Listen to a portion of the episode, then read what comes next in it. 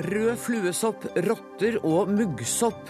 Barnehagehverdagen er kanskje litt mindre trygg enn vi trodde. Nå vil regjeringen skjerpe tilsynsordningen. Kristin Halvorsen har forsømt barnehagene. Hun teller bare plasser og glemmer kvaliteten, mener kritikerne. Høyre vil gi blått kort og arbeid til ikke-vestlige arbeidsinnvandrere etter modell fra USA. Norge klarer seg fint med egen arbeidskraft, sier Frp, som mener Høyre slår inn vidåpne dører.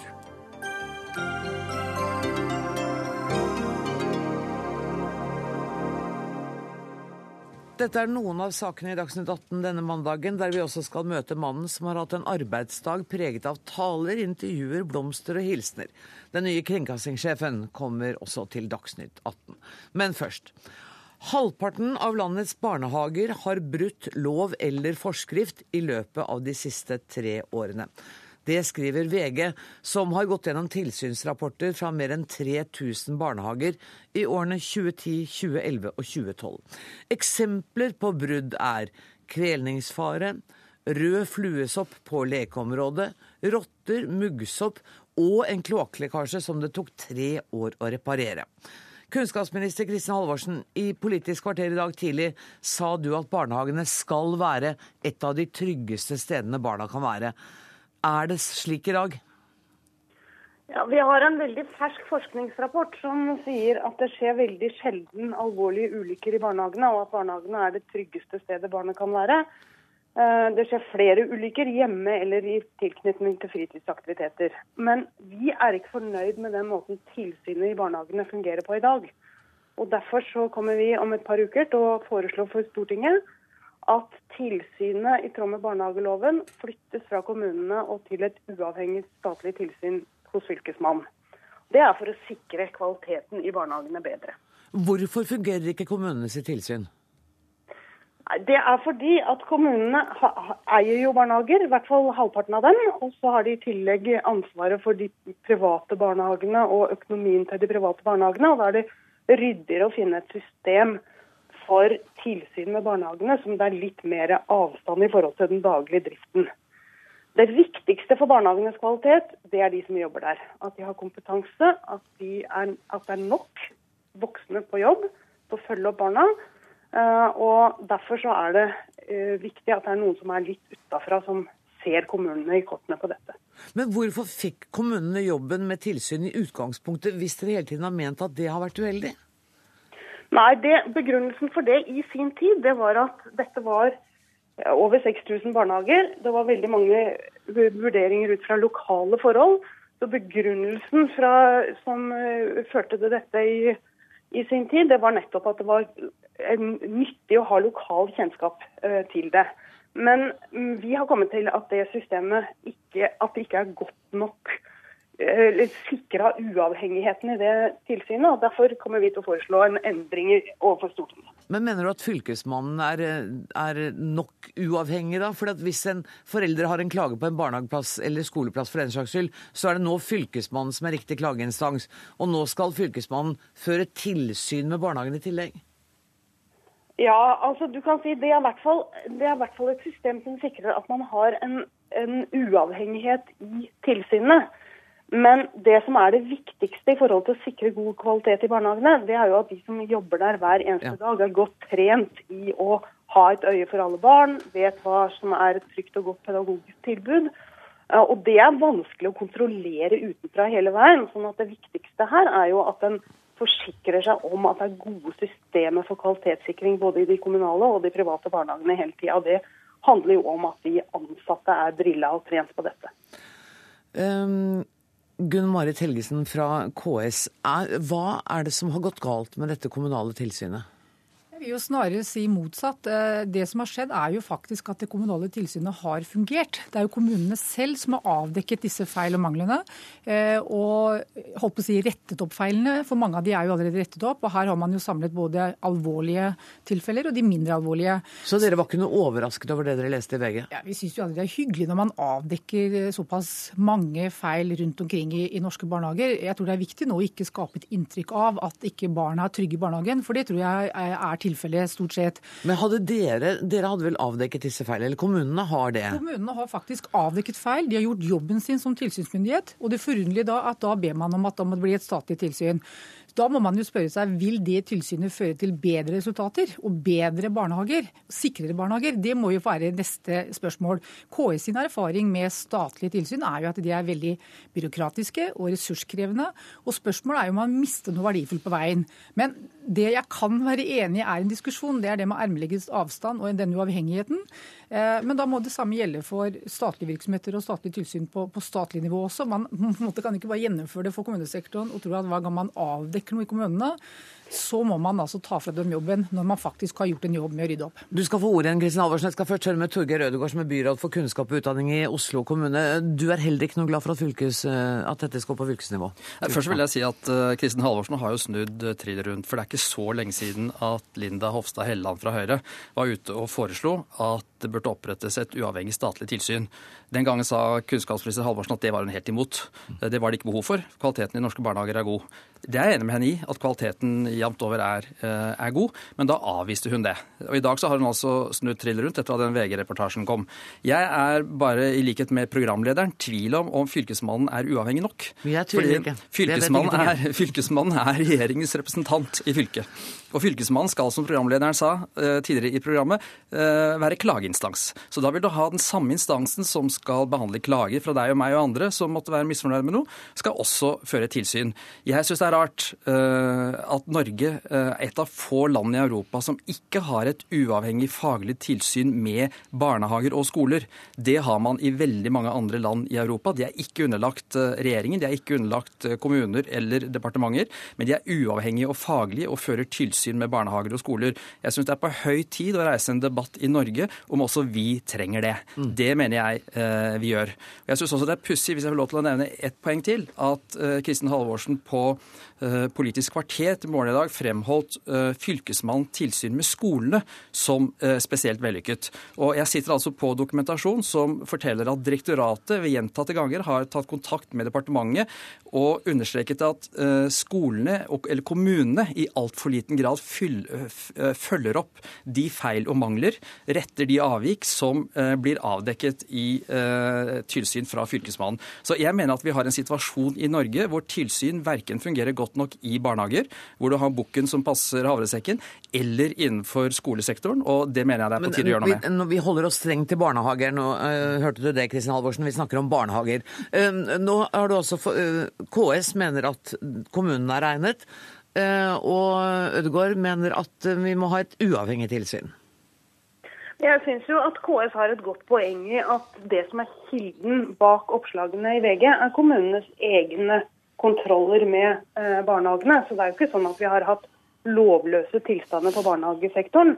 Men jeg tror vi har forbedringspotensial når det gjelder eh, tilsynet, og at det kan være et eh, viktig poeng å ha litt mer eh, avstand.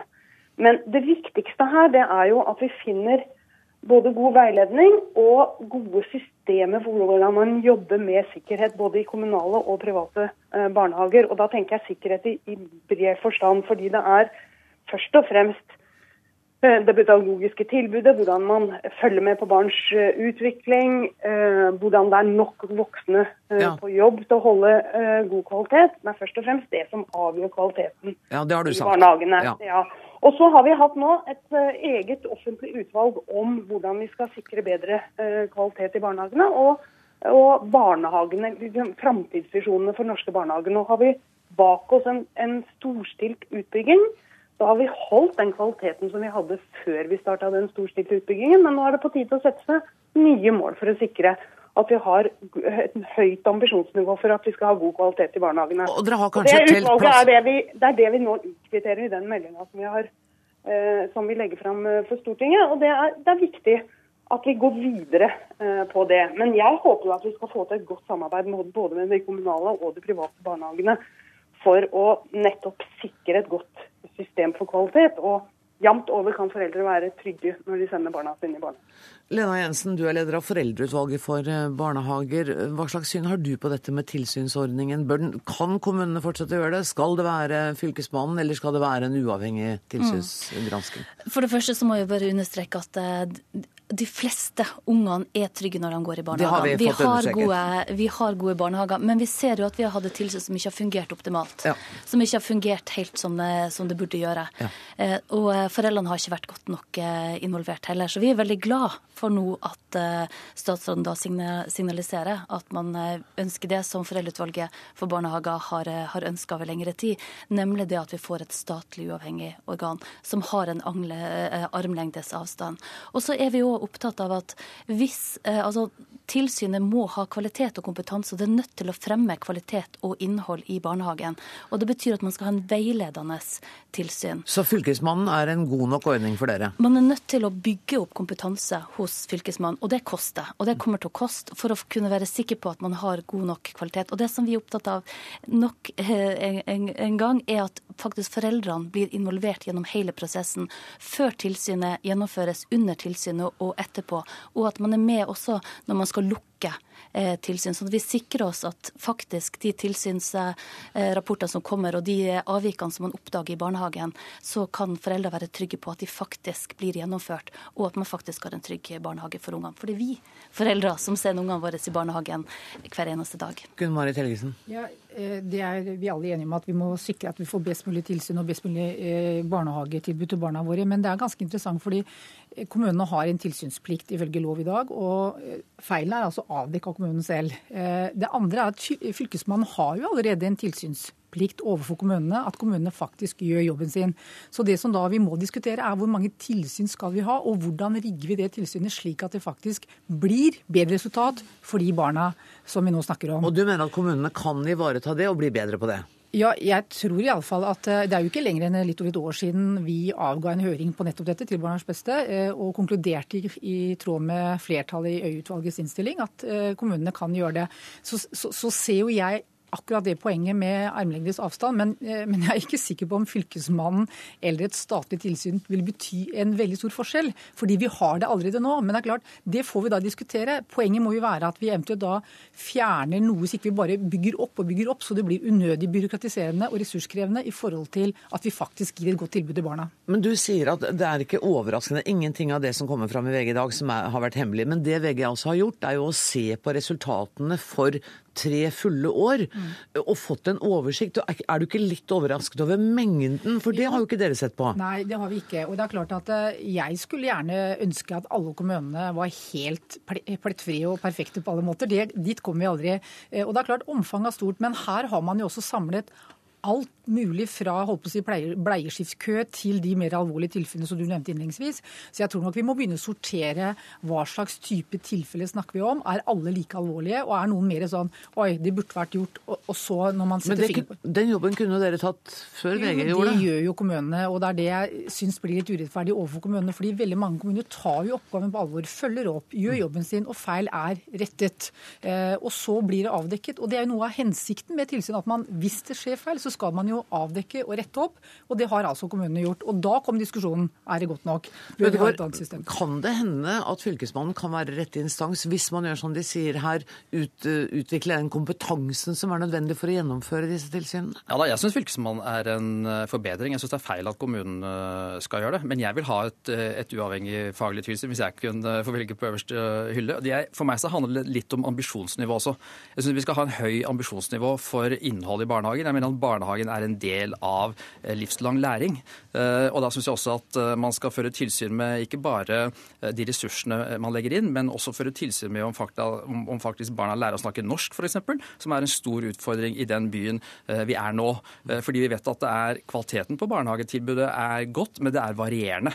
Eh, Og Derfor så mener jeg at man kan profesjonalisere eh, tilsynet i langt større grad enn det som skjer nå. Og jeg mener at man bør ha, eh, føre tilsyn med barnehager og skoler i sammenheng, og at vi bør følge etter mange andre land.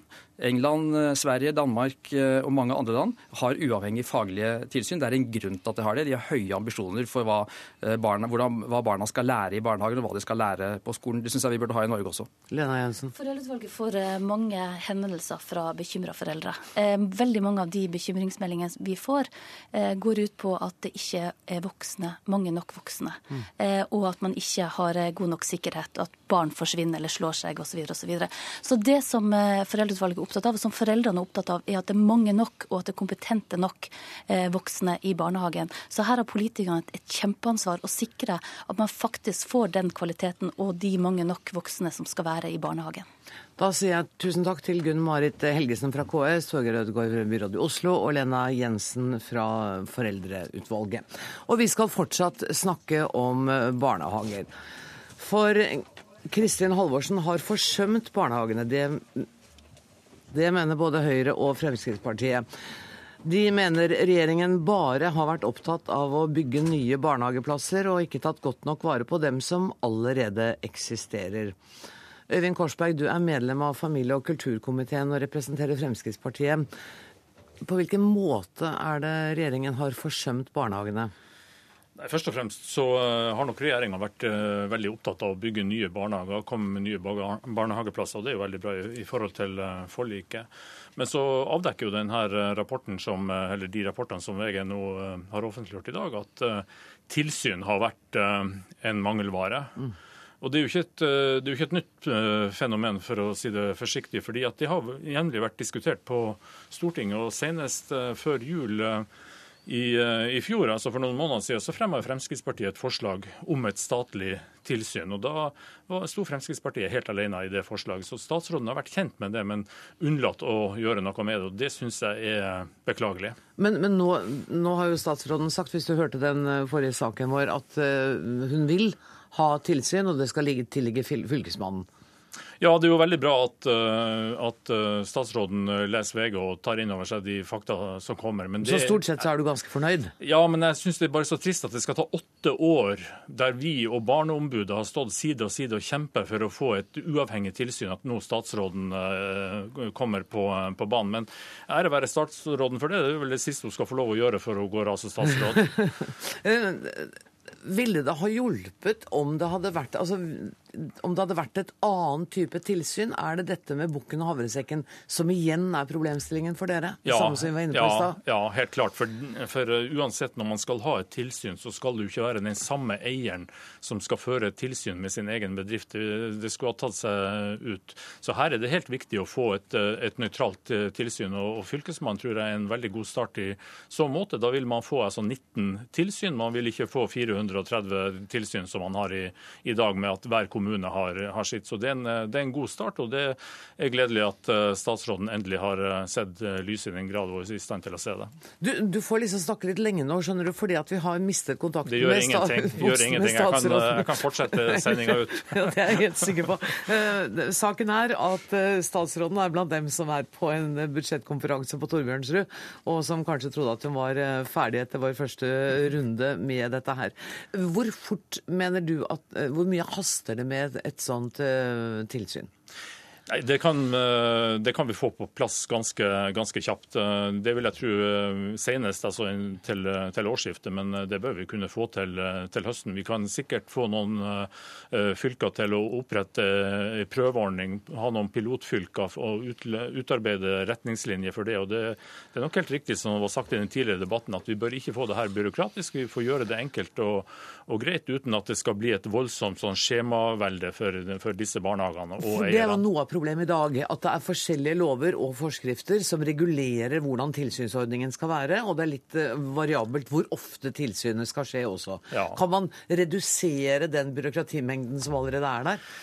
Ja, det, det, kan man sikkert uh, gjøre. Hvor ofte man, man, skal ha det, det vil jo egentlig undersøkelsene avdekke. Det er klart, Avdekker man store uh, mangler med barnehagene, så bør man ha det ofte. Gjør man ikke det, så kan man ha det uh, mindre regelmessig. Men jeg tror det viktigste det er faktisk at man gjør helt nye grep, og også overfor barnefamiliene. At man eksempelvis oppretter en nettportal der foreldre kan gå inn og se, se, og vurdere de ulike barnehagene, både når det gjelder kvalitet, tilbud, og hvor ofte det har vært ført tilsyn, og kvaliteten på barnehagen ut ifra det, det, tilsynet. Da vil man si, bruke de virkemidlene som man bruker ellers i samfunnet. og Da tror jeg man får en god kvalitet på barnehagene. og Det vil også være viktig i forhold til eh, eierne av de ulike barnehagene å score godt på sånne type tester. Men jeg tolker det jo sånn at etter det grundige journalistiske arbeidet som VG har gjort, og etter de sendingene og debattene som har vært i dag, så kommer altså Fremskrittspartiet og SV og alle til å være helt enige om at tilsynsordningen skal bli bedre, og det tar ikke lang tid å gjøre det. Vet du hva, Korsberg, du fikk både første og siste ord i denne samtalen. Det var kjempedeilig å få det. Ja. Tusen takk for at du kom, Øyvind Korsberg fra Fremskrittspartiet.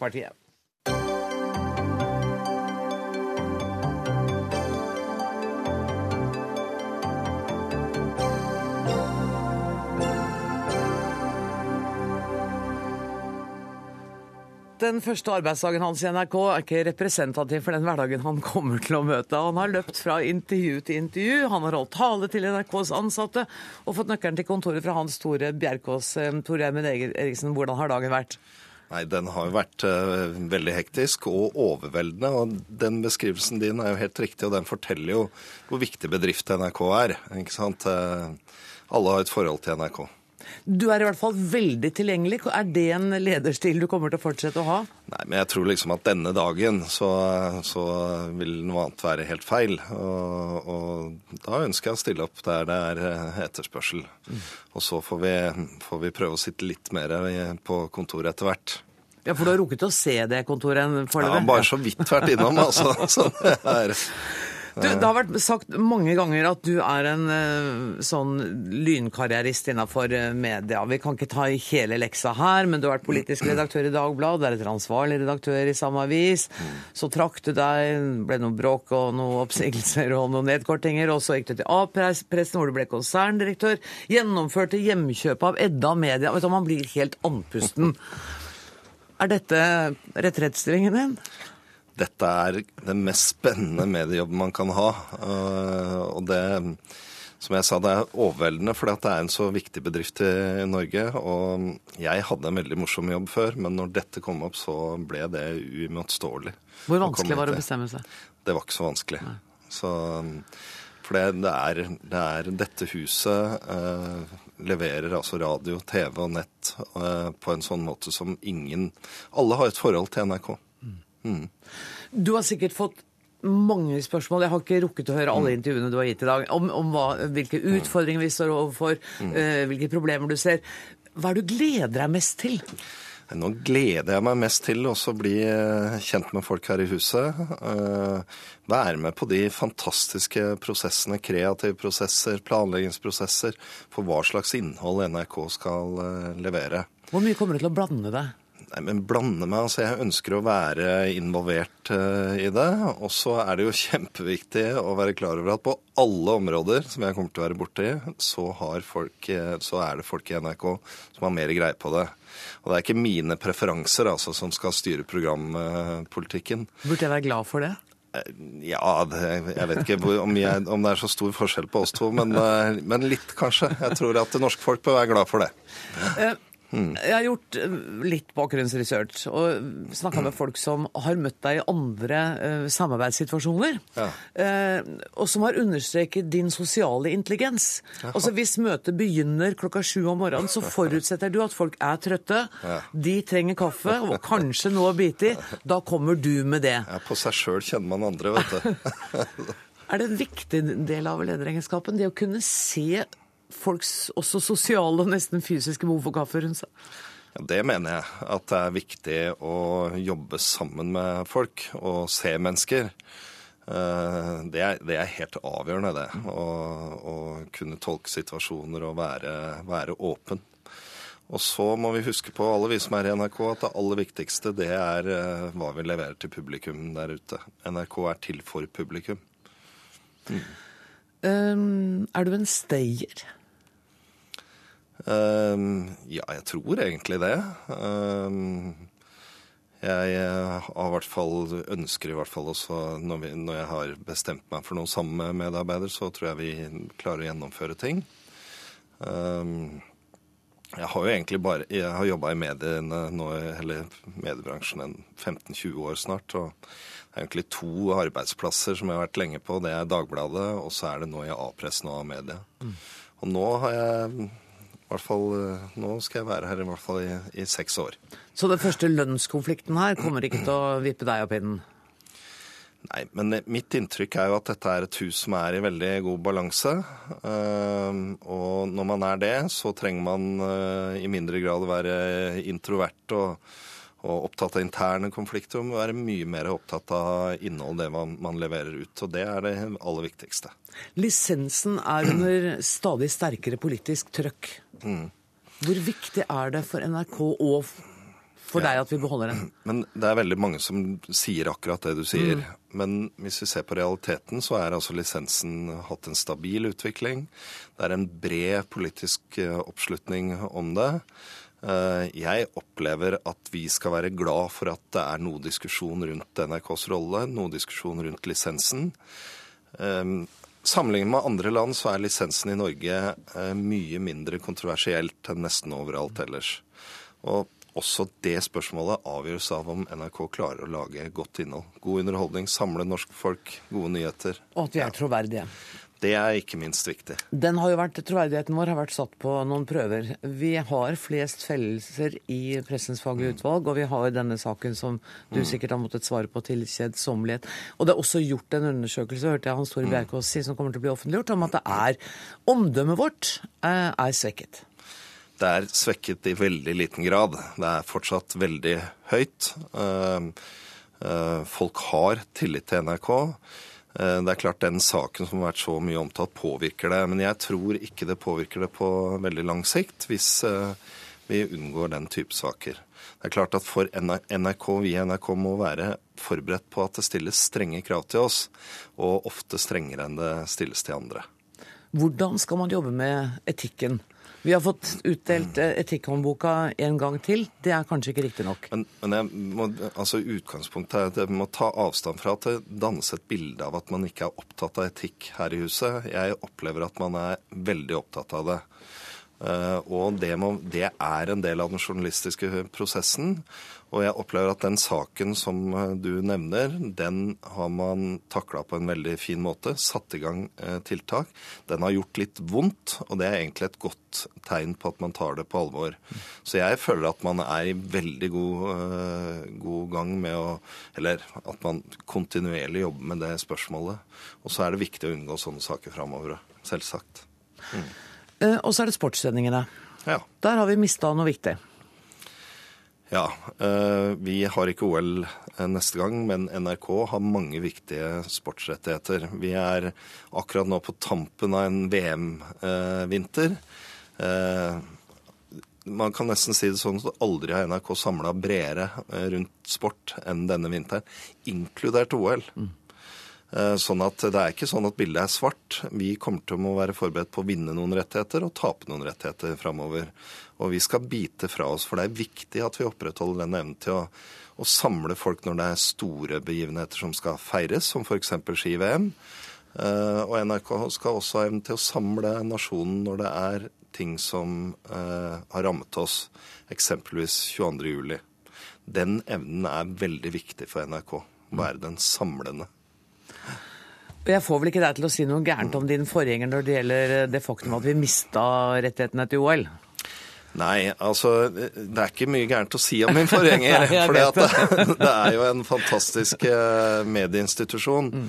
Eh, jeg vet at Hans Store er lei seg for at han mista OL-rettighetene, men jeg kommer også helt sikkert til å vinne, eh, tape noen rettigheter og vinne andre. Konkurransen om den type innholdet er bare en helt annen enn bare var for noen få år siden. Mm. Og radioen kommer til å fortsette å leve? Radioen er veldig viktig, ikke minst uh, dette programmet vi sitter i nå, altså nyheter, samfunnsdebatt. Husk på at NRKs radiokanaler er antagelig verdens største samla sett i forhold til uh, folketall. Og overgangen til en digital distribusjon gjør at vi kan levere enda mer innhold og enda mer spisset innhold, samtidig som vi kan beholde de brede kanalene som f.eks. Uh, P1. Du har sagt at eh, NRK kommer til å være helt annerledes når din første åremålsperiode er over om mm. seks år. Jeg ønsker deg velkommen tilbake hit. Om ikke før, så i hvert fall ses vi om seks år. Ja. takk for at du kom, Tor Gjermund Eriksen. Tusen takk.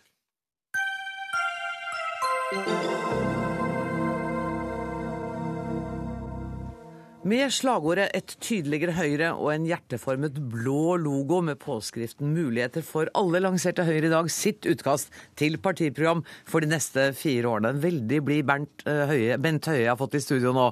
Eh, kan ikke du bare kort fortelle om det arbeidet som ligger bak dette utkastet, Bent Høie? Ja, Det ligger et stort arbeid bak. Vi starta ut med et prosess som heter Norge 2030, der vi inviterte landsmøtet og Høyre til å diskutere hvor har vi visjoner henne fram hvis vi ser noe lenger enn i neste stortingsperiode. Det konkluderte vi med på forrige landsmøte. Så hadde vi et andreutkast i september. Da eh, ble det sendt på høring, og da fikk vi over 3000 innspill i all hovedsak fra partiorganisasjonen. Altså Tusenvis av mennesker har på sin fritid sittet og jobba med dette dokumentet, kommet med sine synspunkter og sine vurderinger. Mange kaffekopper og wienerbrød har blitt drukket og spist underveis. Og så med utgangspunkt i det så har vi nå laget et andrekast som går til landsmøtet i, i mai. Så dette, dette, tar det år å lage. Mm. Og det har jo øh, Det vil jo alltid være, øh, vil jeg tro, konflikter rundt et øh, programforslag. Selvfølgelig. Eh, hvis vi ikke hadde hatt politiske diskusjoner i et parti, så er jeg redd for at da hadde vi eh, sakte akterut og ikke klart å følge med i tiden. Så spenning i et parti, diskusjon i et parti, det driver seg framover. Har reaksjonene fra ditt eget parti på enkelte punkter vært sterkere enn du Da, da mener jeg de negative reaksjonene vært sterkere enn du hadde forventet? Nei, egentlig ikke. De diskusjonene som kommer, de er jo ofte på kjente områder. Mens hovedlinjene for et parti, det som gjør at vi er et parti, det er det jo ofte enighet om. Sånn at det at vi vil ha fritt behandlingsvalg, det at vi ønsker å redusere skattenivået, det at vi vil satse på, på vei og, og, og bane, det er, liksom, det er noe som en står felles om, for det er der hovedlinjene ligger. Og vi kan ikke ta hele uh, forslaget i uh, denne sendinga. Men i programutkastet så ser dere til USA for å tiltrekke flere ikke-vestlige arbeidsinnvandrere til Norge. Kan ikke du bare forklare hva er det blå kortet som dere foreslår? Ja. Det er liksom en, en, under den blå kortet så ligger det noen virkemidler for å gjøre det lettere for de som har fått en arbeidsgiver i Norge og har kompetanse, til å komme til Norge og bruke sin kompetanse i vårt, eh, vårt land. Eh, I dag så er muligheten på det gjennom en såkalt ekspertkvote, men den er ganske streng i sine kriterier, og det tar òg mange arbeidsgivere opplever det tar lang tid, den er byråkratisk. Så vi ønsker å lage en raskere og enklere måte for å tiltrekke oss noen av de ekspertene, de flinke folkene som vi har bruk for, uten at det nødvendigvis er eksperter i utdanningsnivå, men fordi at de f.eks. har en spesiell kompetanse innenfor et område. Og, da vil det være lettere for dem, for da kan de jobbe her mens de får behandlet saken? Da kan de jobbe her, og noen av de arbeidsgiverne som er avhengig av å ha mange inne eh, ofte, de kan eh, gjennom at de har gode systemer få en forhåndsgodkjenning av myndighetene, sånn at de kan ansette folk før de begynner å jobbe, og få en godkjenning i etterkant. Vil det være en tidsavgrensning på dette? Nei, I utgangspunktet så er det som i dag at du får en, arbeids, en arbeidstillatelse, og, og, så vil den da måtte fornyes ved jevne mellomrom. Men det, og det vil, vil, være helt naturlig. Det vil være det samme ja, som ja, det er nå. Ja. Morten Ørsal Johansen, innvandringspolitisk talsperson for Frp. Um, Høyre sparker inn vidåpne dører når de foreslår blått kort til, til ikke-vestlige arbeidsinnvandrere, sier du til Aftenposten i dag. Det stemmer. Eh, vi har, eh, som, eh, Bent Høie sier, en såkalt ekspertordning, eller ordning med spesialtillatelser. Nå ble den avviklet den 15. januar i år pga. at det var stor misbruk blant ordningen. Jeg tror at et grønt eller blått eller hva det nå slags farge du velger å ha på dette kortet, kan misbrukes på akkurat samme måten. Og jeg tror òg at de ordningene vi har innad i EU, er gode nok til å få, få kvalifisert arbeidskraft arbeidskraft til Norge. Det som hindrer arbeidskraften til å komme til Norge når det gjelder høyt utdannede og spesialutdannede, det er skattenivået. Eh, det de sier, de som kommer til Norge, er at ja, vi vil tjene penger, men vi vil òg ha igjen noe av dem. Og Der tror jeg heller eh, Høie burde, burde sette inn noe av energien sin for å, få, å, å, å gjøre noe med ordningen, sånn at det er lønnsomt å komme til Norge og jobbe. Og jeg tror at blant de 500 millioner innbyggere vi har i EU, i EØS-området, så er det en del lyse huer der òg som kunne ha tenkt tenkt seg en, en jobb i Norge.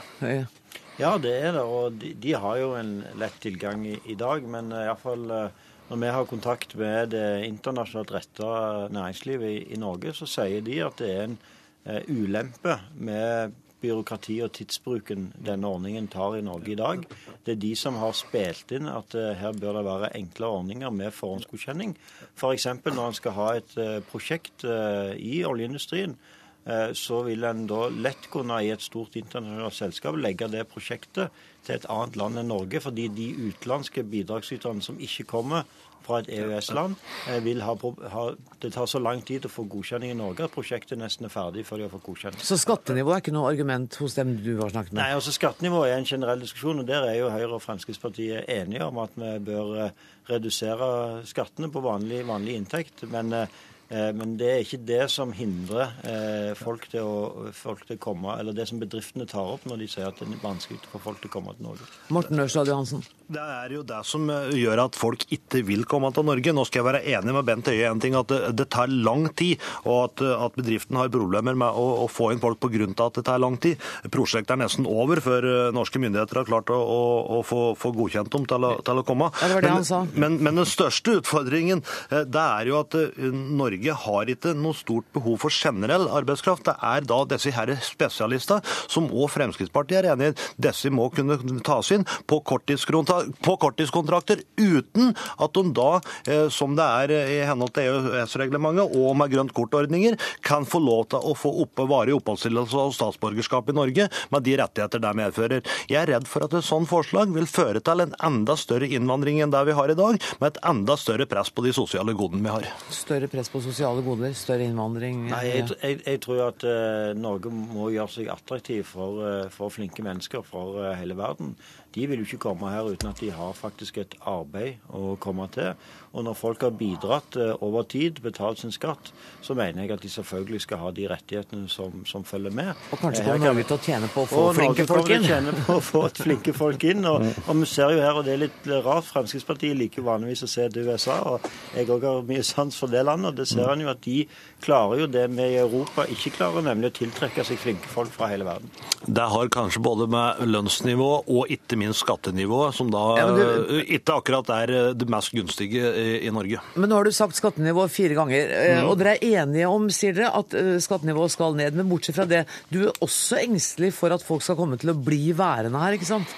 Ja, altså Det spørs hva du legger i den spesialistordningen. Sånn som det var, så tok vi jo inn både pizzabakere og kebabskjærere. Og det, jeg tror ikke akkurat at det er der vi mangler mest av i Norge. for Men å si kanskje noen sushikokker fra Japan? For eksempel sushikokker, ja, som da skal tjene en halv million året, ble det sagt.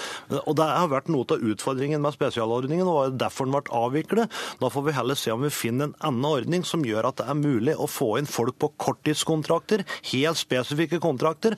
De gjør jobben, og når de har gjort jobben, så reiser de tilbake dit de kommer fra, eller til et annet land der det er andre prosjekter på gang. Ja, altså, jeg er ikke så veldig opptatt av at de skal reise så fort ut herfra igjen, hvis de, hvis de fortsatt har noe å bidra med. Eh, og ikke minst hvis de òg eh, altså ser at de får barn i Norge og de tar utdannelse og ønsker å jobbe her, så er jo det en, en berikelse for, for, landet vårt. Men har dere, har dere, definert dette med hva dere mener med spesialkompetanse? Er det pizzabakere, sushikokker, ja, altså, eller er det akademiske yrker, eller er det Det Der òg ønsker vi at det skal være mer, mer åpenhet, for de har nå hatt noen krav om at det skal være et spesielt lønnsnivå. Men, eh, men det òg mener vi i større grad skal være opp til den arbeidsgiver som, eh, som da får en forhåndsgodkjenning. og Det betyr at eh, ei, ei pølsebo på hjørnet selvfølgelig ikke vil få en sånn forhåndsgodkjenning. Men er det et eh, større konsulentselskap, et oljeselskap, et selskap som er internasjonalt retta og har gode internkontrollsystemer, så mener vi at de bør få en forhåndsgodkjenning for å kunne ta imot eh, kompetent eh, arbeidskraft fra utlandet som de selv mener de har. Denne kompetansen trenger vi inn i dette prosjektet. Da bør det gå effektivt og ubyråkratisk. Morten Ørsal Johansen. Ja, og Der kom det magiske ordet mer åpenhet. Altså Det de ønsker, er å få en generelt større innvandring. Her er Høyre helt på linje med SV. De ønsker en større generell innvandring, slik at vi får enda flere til Norge, som da etter hvert kommer over på de sosiale ordningene vi prater på. Vi vet at arbeidsledigheten blant innvandrere er mye større enn den er eh, blant befolkningen ellers. Ja, og, og men var ikke poenget her at de skulle komme fordi de hadde en arbeidsgiver jo, men, i utgangspunktet? Men, men før LCA så vil antageligvis den i arbeidsgiveren og det dette prosjektet være over. Og da er det da en forutsetning at de reiser tilbake der de kommer fra, eller til et annet land og et annet prosjekt. Er du naiv, Høie? Nei, ikke det. Jeg tror at at eh, folk blir ikke disse, Dette er mennesker som kan få seg jobb hvor som helst i verden. Ja, men, og vi må innrømme at da, med det norske klimaet og skattenivået som du har vært inne på, så er det ikke nødvendigvis her de blir værende hvis de ikke, kan, kan, ikke, ikke dere bare hjelpe meg å oppklare et punkt? For når det gjelder denne ekspertkvoten som du nevnte ja, innledningsvis, Høie, er det ikke sånn at vi har litt trøbbel med å fylle den, til og med? Jo da, for den, den settes politisk så høyt at den ikke skal bli fulgt. For hvis den hadde blitt fulgt, så hadde den bare heva kvoten. Eh, så, så, så, den har aldri blitt fulgt opp. Men, men kriteriene for å komme inn under den ordningen er så strenge, og eh, byråkratiet knytta til den gjør òg at det hindrer en del av, av, eh, aktørene her til å bruke, bruke, ordningen. Og Spisskompetanse blant utlendinger er kanskje såpass høy at Norge ikke er det første landet de har lyst til å dra til? Ørsal Johansen. Kanskje ikke faren er så stor? Nei, det er klart, men altså, hvorvidt den ordningen var streng, det kan jo diskutere. når Jeg nevnte det med pizzakokker og, og, og kebabskjærere. Men som jeg sa òg, den ordningen pga. det misbruket har blitt avviklet den 15. januar i år, så den er ikke aktuell lenger. Derfor må vi da se på andre ordninger, kanskje korttidskontrakter og, og spesifikke slike kontrakter er løsningen, framfor å, å, å, gjøre det mer åpent. Så du vil ikke samarbeide med Høyre om det forslaget som Bent Høie nå snakker for? Hvis det blir et flertall mellom Høyre og Fremskrittspartiet, så er vi villige til å, å gå i samtale vi, og, og, se om vi får til, eh, får til, enighet. Men den tid, den, eh, den sorgen. Den glede. ja ja, vi får svar i september. Tusen takk skal dere ha, Bent Høie fra Høyre og Morten Ørsal Johansen fra Fremskrittspartiet. Inn i studio kommer um, kommentator Magnus eh, Takvam. Karakterer i barneskolen, bevæpning av politiet og verneplikt for kvinner er blant sakene som kommer til å vekke strid når Høyre har landsmøte i mai. Og det kom jo også fram da Bent Høie la fram forslaget til partiprogram tidligere i dag. Eh, Magnus Takvam, hva slags saker er det de ikke har blitt enige om i programkomiteen? Ja, nå, eh, Jeg skal prøve å svare på det, men før, før, det så kan det jo være verdt å minne om at uh, Høyre må diskutere med noen andre også før deres politikk eventuelt får gjennomslag. Det fikk vi et lite illustrert eksempel på her. Veldig tydelig. Men Fremskrittspartiet var villig til å trekke seg langt her da, for ja, å få det til? Det er riktig. Eh, nei, du nevnte jo noen. Det er, det er, jeg tror det er i alt ni dissenser. Eh, i programforslaget fra, fra komiteen. Ingen av dem går på disse veldig store, omfattende områdene.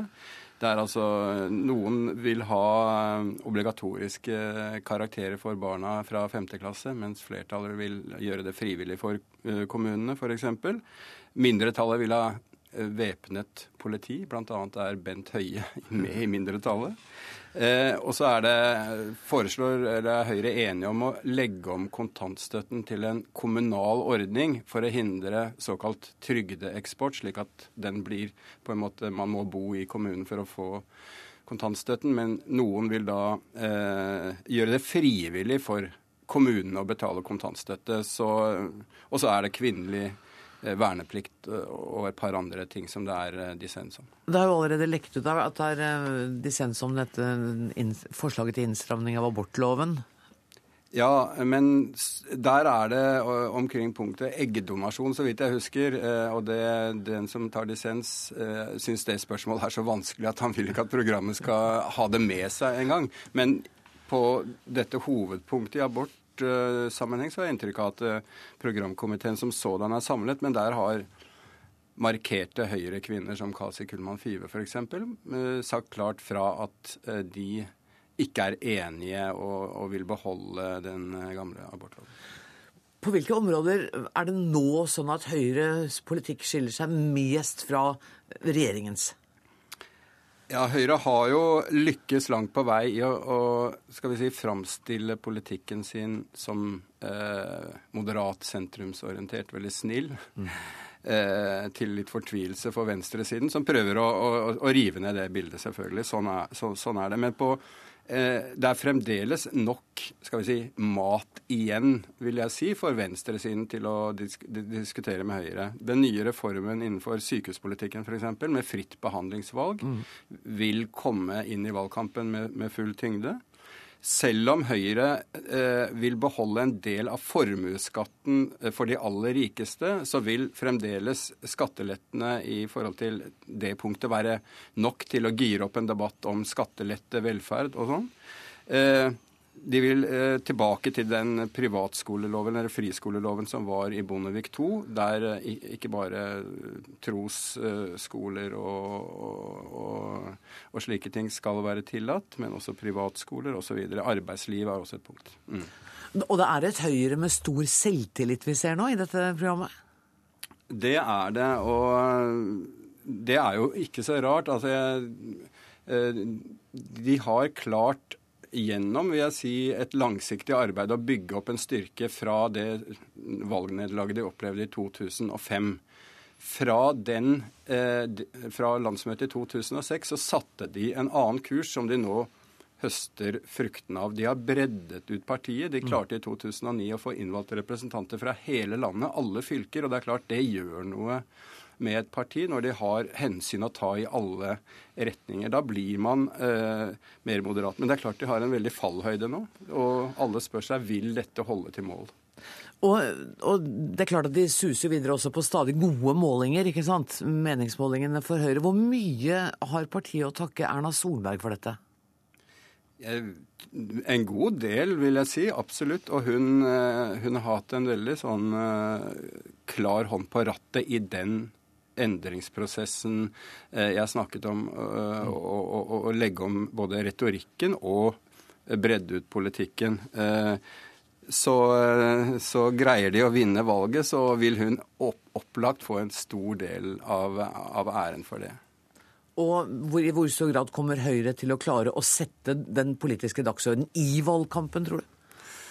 Altså, de eh, det vil jo veldig lett bli en, en valgkamp Erna-Jens. Altså at eh, det blir en regjeringsvalgkamp med kanskje Fremskrittspartiet som en slags joker, mm. der de mindre partiene er redd for å komme i skyggen av det hele. Det Arbeiderpartiet vil forsøke, og venstresiden vil forsøke, er som jeg sier, å øke konfliktnivået om, om, om, de ideologiske tingene og insistere på at det er ja, det er skattelette, ja, det er privatisering, det er mye som står på spill. Det er en uavklart økonomisk politikk på høyresiden. Vi står for trygghet og stabilitet osv. Så, videre. så de, det vil dreie seg rundt uh, disse tingene. Mm. Det kommer vi til å snakke om mange ganger før september. Tusen takk for at du kom, Magnus Stakan, politisk kommentator i NRK.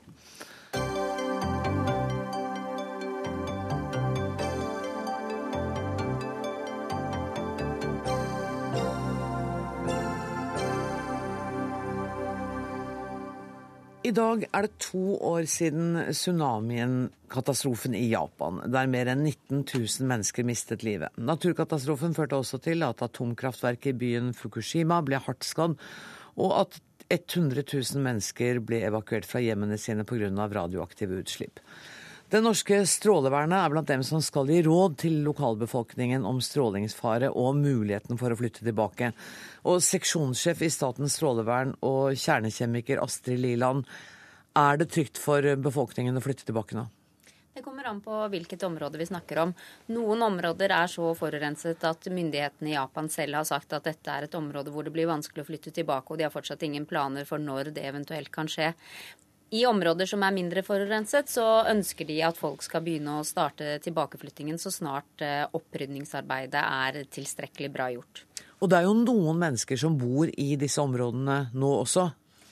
I hvert fall utkanten av dem. Det er noen mennesker som bor utenfor det som var evakueringssonen, men hvor eh, strålingsnivåene er like høye som innenfor eh, sonen. Eh, slik at noen områder var såkalte frivillige evakueringssoner som folk har flyttet fra, men noen valgte da også å bli boende der, selv om strålingsnivåene er i høyeste laget. Hvor stor er frykten blant folk for denne strålingen nå? De lurer litt på hvilke eksperter de skal tro på når det er snakk om eh, hvor farlig det er eh, med denne strålingen. Men eh, strålingsproblematikken er bare én del av hele problemet. Fordi at folk lurer på om de skal flytte tilbake. Hvor mange kommer til å flytte tilbake? Kommer de til å ha infrastruktur der? Kommer det til å være mulig å fortsette med det arbeidet de hadde før? Selge produktene sine? Vil det bli en økonomisk nedgang i hele området som vil ramme dem? Slik at spørsmålet om de skal flytte tilbake eller ikke, er knyttet til veldig mye mer enn bare strålingen. Og jeg har sett innslag på fjernsynet også hvor folk i, som har bodd i området, eh, er ganske misfornøyde med regjeringens eh, meldinger til dem. De sier vi får egentlig ikke vite så mye. Ja, det tror jeg du har helt rett i. For de myndighetene er sendrektige i å sette i gang opprydningsarbeidet. De lar det være veldig mye opp til lokale myndigheter og lokale ildsjeler å få i gang noe. De har noen overordnede planer, men de er ikke veldig gode på å kommunisere dette nedover til lokalnivået. Og det går sent. Hva slags bistand kan norsk strålevern gi til lokale myndigheter i Fukushima-området? Vi har bidratt med de erfaringene vi har i Norge etter Tsjernobyl-ulykken, om eh, hvilke praktiske tiltak man kan gjøre for å begrense opptak av radioaktive stoffer i matvarer f.eks., og hvordan man kan eh, beskytte seg i dagliglivet. Og også da bidra med å vise at det går an å fortsette å bo og arbeide i forurensede områder dersom du gjør de rette mottiltakene. Vinner, eh, vinner dere gehør hos de japanske lokale myndighetene? Ja, de syns det er veldig spennende å høre på noen utenlandske eksperter som er uavhengig av de japanske nasjonale myndighetene, om hvilke erfaringer vi har, og også ha oss som en slags diskusjonspartner rundt dette med å leve i et kontaminert område. Mm. Og på det siste seminaret som nå nettopp har vært i Fukushima, så hadde vi med oss eh, en eh, reineier fra Snåsa som har fortalt om eh, hvordan han fortsatt må gjøre tiltak i reinsdyrproduksjonen pga. Tsjernobyl, og fortalt hvordan han opplevde situasjonen den gangen i 1986, og også hvordan det er nå å fortsatt ha denne kontaminasjonssituasjonen rundt seg. Ja, for den går jo ikke over om en uke, nesten uansett hva man gjør. Eh, eh, er japanerne innstilt på at dette kommer til å være et problem denne generasjonen og neste? Det tror jeg de er veldig klar over nå, de som er eh, på lokalt plan. og Det er derfor de også etterlyser mer informasjon og mer tiltak fra myndighetenes side. For de skjønner at dette ikke går over av seg selv. Dette kommer til å være et langvarig problem. Og det er ganske store områder det er snakk om. Eh, Fukushima fylke har jo to millioner innbyggere. Og det er klart at eh, de er nødt til ser, De ser at de selv er nødt til å gjøre noen tiltak for å kunne normalisere den situasjonen der hvor de bor, eller der hvor de de ønsker å flytte tilbake til. Ville du bodd i et sånt område? Hvis man eh, rydder opp og passer på at man har kontroll på hvor mye som kommer eh, inn i matproduksjonen, så er det trygt å bo i sånne områder. Men det krever jo at man eh, følger opp situasjonen, og det krever veldig mye godt informasjonsarbeid overfor den lokale befolkningen. Og der tror jeg dessverre de japanske nasjonale myndighetene ikke har vært veldig heldige. Takk for at du kom, Astrid Lilland, seksjonssjef i Statens strålevern.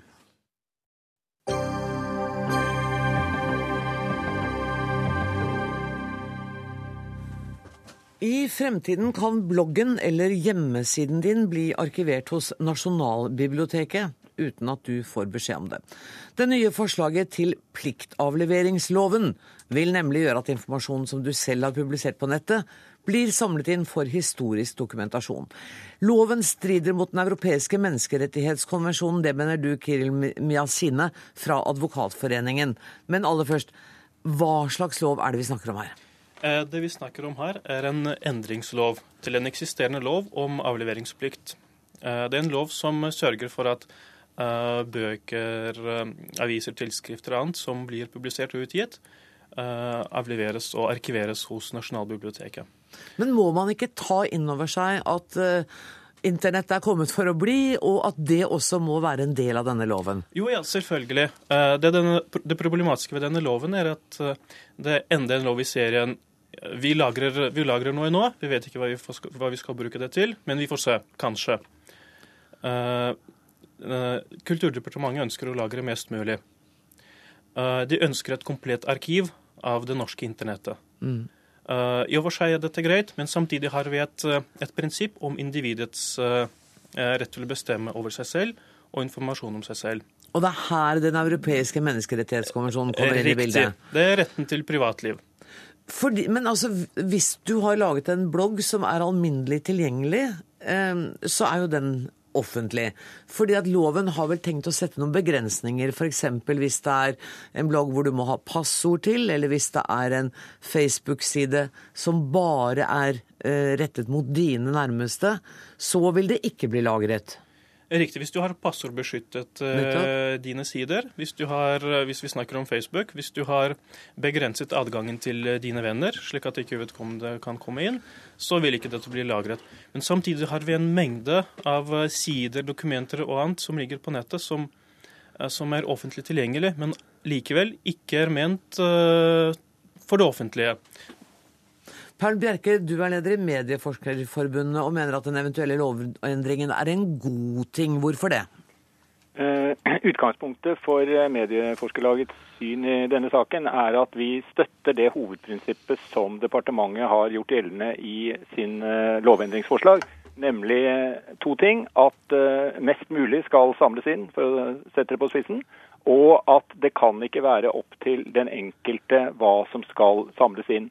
Eh, og Det siste er i tråd med det som har vært eh, bestemmelsene rundt pliktavlevering helt siden prinsippet ble innført, nemlig at den som ytrer seg i offentligheten, har eh, plikt, og, har plikt til å la det, disse ytringene bli tatt vare på.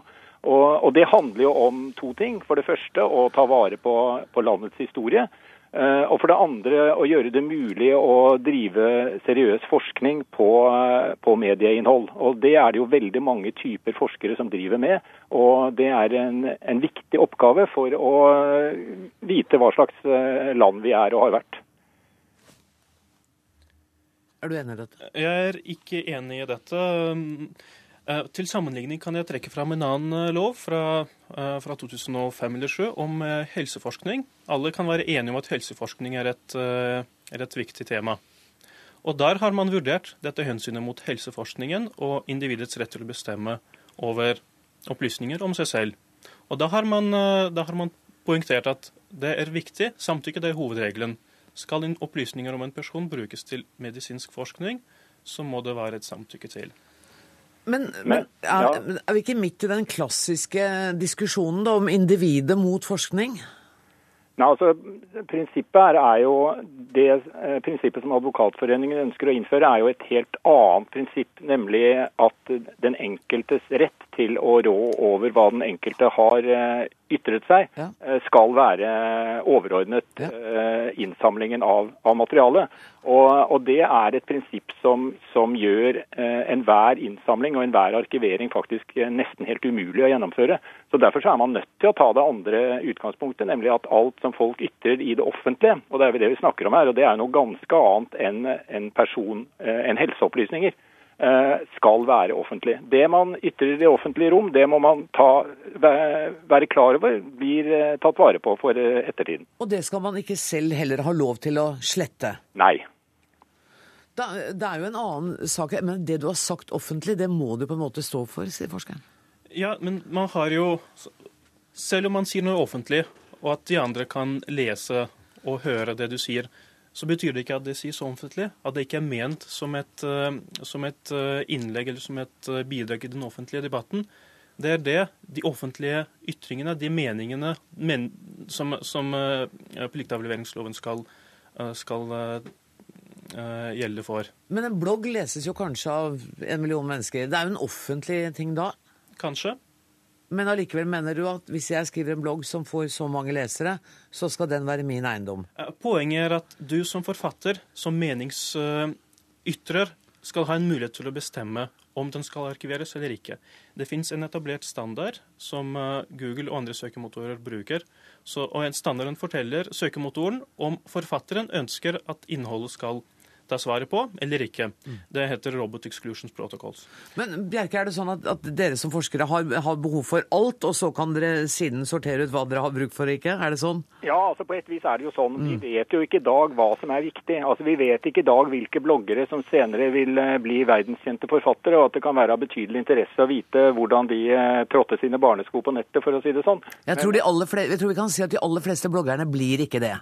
det, det tror jeg trygt vi kan si. Men, men bør, bør, ikke jeg også da som privatperson ha en mulighet til å reservere meg mot dette? Altså Problemet kom jo veldig tydelig fram i det siste innlaget fra Advokatforeningen her, nemlig at hvis vi alle som publiserer noe, alle som deltar i den offentlige eh, diskusjonen, selv skal bestemme om dette skal bli tatt vare på, så vil jo det materialet som fins, bli helt skjevt, helt galt og helt umulig å bruke som grunnlag for, eh, for forskning og historie. Der fikk du siste ordet. Paul Bjerke, eh, som er medieforsker, og takk også til Kiril eh, Miasine fra Advokatforeningen. Eh, denne saken er til behandling. Høringsfristen er gått ut, og den ligger til behandling i Kulturdepartementet. Dermed er Dagsnytt 18 slutt for i dag. Ansvarlig for sendinga var Siri Hytten. Det tekniske ansvaret har Finn Lie. Jeg heter Anne Grosvold og ønsker på gjenhør i morgen. Takk for nå.